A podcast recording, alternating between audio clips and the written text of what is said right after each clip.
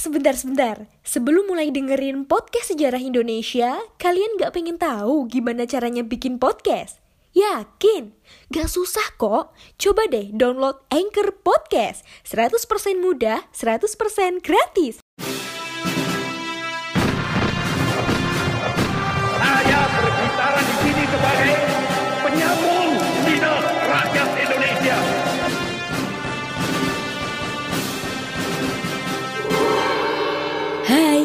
Kalian sedang mendengarkan Poseidon, podcast sejarah Indonesia.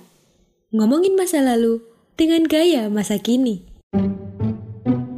Assalamualaikum warahmatullahi wabarakatuh Salam sejahtera untuk kita semua Salam sejarah Saya Taufik dan kalian masih mendengarkan Podcast Sejarah Indonesia Podcast yang bikin kalian gagal move on Apa kabar kalian? Saya harap kalian tetap sehat tanpa kurang suatu apa pun Tetap laksanakan 3M Cuci tangan, memakai masker, dan juga menjaga jarak apabila kalian sedang beraktivitas di luar. Dan jangan lupa juga untuk tetap menerapkan hidup sehat bersih ya. Dan ya bersabar saja semoga pandemi ini lekas berakhir. Ya seperti itu. Dan buat kalian tetap stay tune di sana tetap ngedengerin podcast sejarah Indonesia dan kesempatan kali ini kita akan ngebahas mengenai United of Nation atau PBB seperti apa sih PBB dan apa sih kiprahnya dia di dalam uh, mengakurkan dunia kita ini kayak gitu. Jadi tanpa basa-basi lagi, tanpa panjang lebar lagi, marilah kita bahas mengenai PBB. Perlu kita semua ketahui bahwa pada masa perang dunia terjadi peperangan di mana-mana, perpecahan antar bangsa, serta perebutan kekuasaan yang mengakibatkan terganggunya perdamaian dunia. Perang dunia tidak hanya membuat rakyat yang menderita, bahkan tentara, pemerintah, serta semua yang terlibat dan terdampak juga merasakan penderitaannya.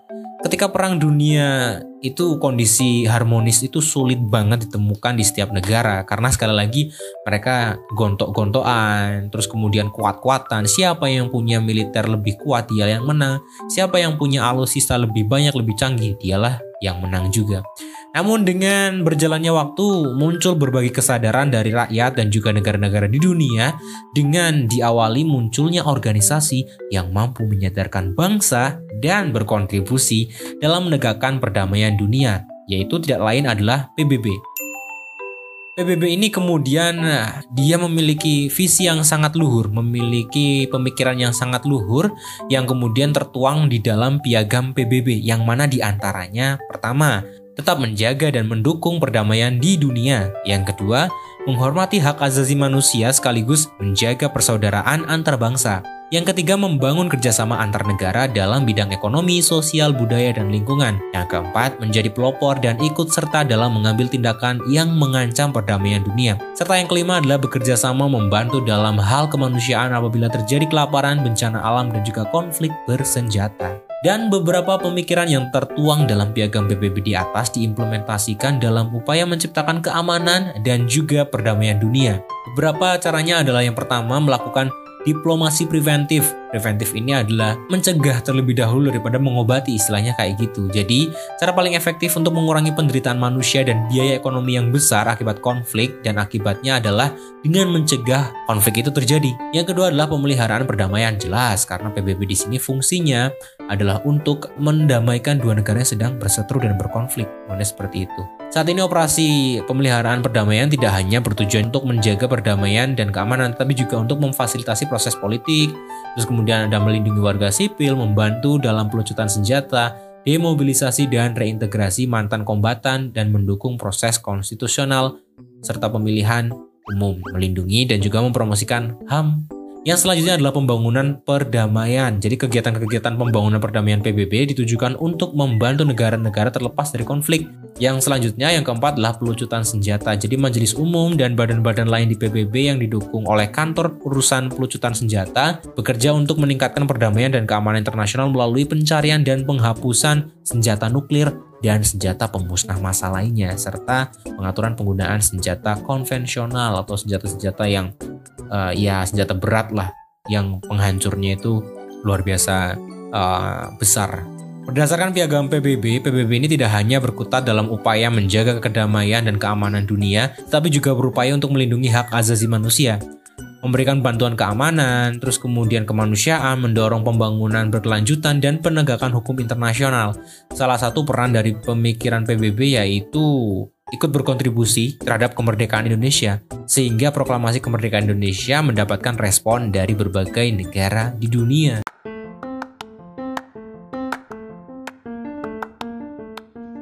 Halo Sobat Poseidon, kalian pasti sudah tidak asing lagi dengan Anchor. Yap, aplikasi penyedia jasa untuk para podcaster pemula dan juga pro.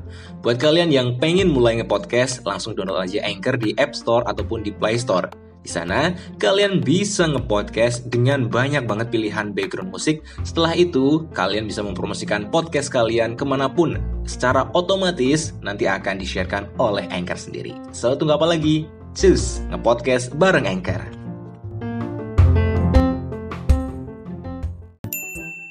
Ketika berbicara mengenai PBB, maka PBB ini merupakan organisasi internasional sebenarnya yang menjadi tempat perkumpulan dari ratusan negara di dunia ini yang memiliki peran penting dalam menjaga perdamaian dunia. Sebelum organisasi ini berada di tengah-tengah kita, ada proses yang cukup panjang sebenarnya. Gagasan ini pertama kali muncul atau gagasan mengenai United Nations ini pertama kali muncul dicetuskan di tanggal 1 Januari tahun 1945 oleh Presiden Amerika Serikat kala itu adalah Franklin Roosevelt. Istilah tersebut digunakan pertama kali dalam Declaration by United Nations pada periode Perang Dunia Kedua.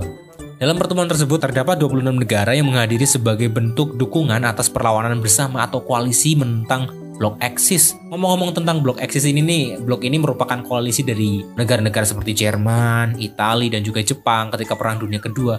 Makanya kemudian di episode sebelumnya mungkin uh, tentang pendudukan Jepang, kalian akan mendengarkan gimana sih kok kemudian akhirnya Jepang menyerang ke Amerika. Padahal sejatinya nih, menurut Franklin D. Roosevelt, dia tuh udah mencanangkan udahlah damai-damai nggak usah ada perang-perang lagi menurut seperti itu tapi gara-gara ada pemboman itu gara-gara ada serangan itu kepada Amerika yang dilakukan oleh Blok Axis oleh Jepang ketika itu di Pearl Harbor akhirnya kemudian perang itu semakin memanas perang dunia semakin uh, mencapai puncaknya. Ketika Jerman secara resmi uh, menyerahkan diri pada sekutu ketika itu di tanggal 7 Mei 1945 hari tersebut secara resmi menjadi penanda bahwa perang dunia kedua telah berakhir. Perang yang telah berlangsung selama enam tahun ini menewaskan setidaknya 85 juta nyawa dengan berakhirnya perang, maka berlahirlah juga penderitaan di berbagai dunia gitu ya. Nah, ini juga nanti akan berdampak di Indonesia bagaimana nanti di Indonesia juga di tahun 1945 pada akhirnya Jepang harus menyerah kepada sekutu ketika itu dan kemudian harus melepaskan Indonesia karena menurut status quo daerah yang kemudian uh, bekas dari jajahannya atau bekas dari uh, negara yang dijajah tersebut itu harus dikembalikan kepada negara-negara sekutu yang mana kemudian ketika itu adalah awalnya Belanda jadi harus dikembalikan ke Belanda awalnya seperti itu. Tapi di tahun yang sama juga tahun 1945 akhirnya Indonesia memilih untuk melaksanakan kemerdekaan memproklamasikan kemerdekaan dan dia memilih jalan hidupnya sendiri untuk ngurusi bangsanya sendiri. Dan kemudian nanti juga akhirnya diakui oleh PBB dan PBB ikut andil juga membantu Indonesia bagaimana terlepas dari Belanda. Nah, kemudian di sini ada petikan uh, pidato dari Winston Churchill, salah satu menteri Inggris ini yang dikemukakan pada tanggal 8 Mei 1945. Isinya adalah This is not a victory of a party or of any class. It is a victory of the great British nation as a whole. Jadi ini nggak cuman kemenangan bagi uh, kelas-kelas uh, tertentu, bagi uh, orang-orang uh, tertentu, tapi juga kemenangan bagi semua orang-orang yang kemudian uh, menganggap bahwa ini semua harus berakhir. Utamanya ya ketika uh, Winston Churchill ini orang Inggris, berarti dia bilang bahwa utamanya bagi orang-orang uh, Inggris Raya, menurutnya seperti itu. Pernyataan tersebut ini merupakan bentuk penegasan bahwa ketika itu bahwa uh, perang dunia kedua itu memang benar-benar berakhir. Selain menjadi Perdana Menteri, Winston Churchill ini bersama Franklin Roosevelt juga menjadi inisiator sebuah pertemuan penting. Pertemuan yang dilaksanakan pada 14 Agustus 41 di Newfoundland ini kemudian menghasilkan perjanjian yang dikenal dengan nama Piagam Atlantik atau Atlantic Charter. Pertemuan ini bertujuan untuk menggaungkan kembali cita-cita perdamaian internasional seperti yang pernah dicanangkan oleh LBB atau Liga Bangsa-Bangsa atau League of Nation. Ngomong-ngomong tentang LBB juga nih, LBB ini sebenarnya dulu pernah terbentuk ketika pasca Perang Dunia Pertama. Jadi pasca Perang Dunia Pertama itu kemudian muncullah LBB. Kenapa? Karena setelah Perang Dunia Pertama kerugian kan muncul, nyawa juga banyak yang dikorbankan dan yang lain sebagainya. Nah oleh karena itu kemudian harus muncul salah satu organisasi yang memang benar-benar harus memisahkan dua kubu yang berseteru. Jadi jangan sampai meledak lagi besarnya seperti itu gitu loh. Tapi kemudian kala itu LBB ini tidak kuat pengaruhnya karena kemudian si LBB ini ibarat kayak anak bayi atau anak kecil yang misah orang dewasa lagi kelahi lagi lagi berantem kayak gitu. Jadi ya gimana mau misah orang dianya? Ya, kecil gitu kan. Belum punya tentara terus belum punya kebijakan-kebijakan yang mengikat dan yang lain sebagainya. Jadi gak ada taringnya ketika itu. Oleh karena itulah kemudian akhirnya uh, karena tidak berhasilnya LBB ini meledaklah Perang Dunia yang kedua. Nah, setelah Perang Dunia kedua ini akhirnya kemudian semangat itu diambil dan kemudian akhirnya disolidkan lagi. Ya, inilah menjadi salah satu kunci utamanya sebenarnya di Piagam Atlantik ini.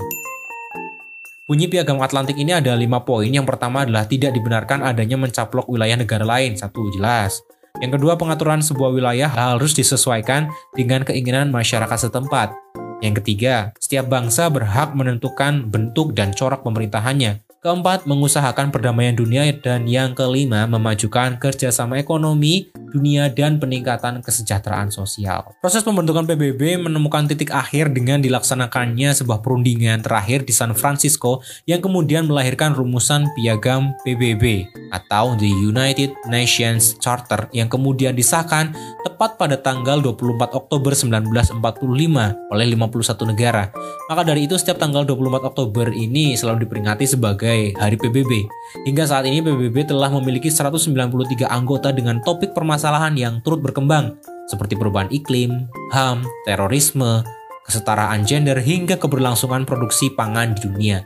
Secara umum, tujuan dan prinsip dari PBB ialah untuk menciptakan dan menjaga perdamaian antar negara, modelnya seperti itu. Terus Indonesia gimana? Indonesia gabung kok, santai aja. Sampai sekarang juga masih gabung karena politik Indonesia yang sekarang ini masih dianut adalah politik bebas aktif. Bebas itu artinya kemudian e, bangsa Indonesia ini tidak memblok, tidak ikut A, blok B, blok C dan yang lainnya dia itu netral. Netralnya dengan cara seperti apa? Dengan cara aktif, ikut aktif, ikut andil bagian dalam uh, dalam hal ini adalah untuk membantu dalam urusan uh, kemanusiaan, terus kemudian hak asasi manusia, terus kemudian ada kelaparan perekonomian negara-negara tertinggal dan yang lain sebagainya Indonesia juga ikut andil kayak gitu jadi ini juga model politik luar negeri Indonesia ini bebas aktif ini juga ya hampir sama dengan semangat-semangat yang juga dimunculkan di PBB ini karena sejatinya tujuan PBB ini sebenarnya ada lima menjaga perdamaian dan kedamaian dunia satu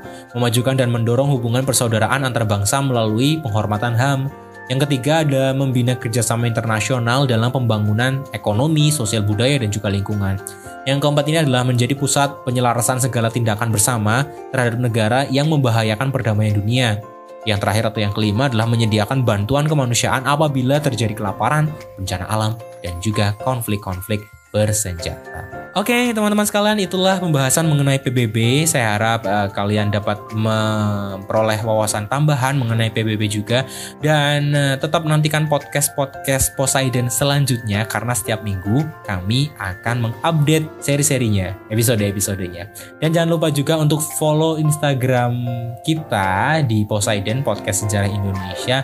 Di sana juga kami sertakan uh, informasi untuk kalian itu biar nggak ketinggalan Eh, seri-seri uh, ataupun episode-episode di Spotify ini. Jadi buat kalian tetap stay tune di sini karena dengan Poseidon atau podcast dari Indonesia, kalian tidak akan lupa dengan masa lalu.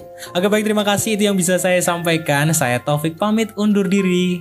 Sampai jumpa dan salam sejarah. Terima kasih.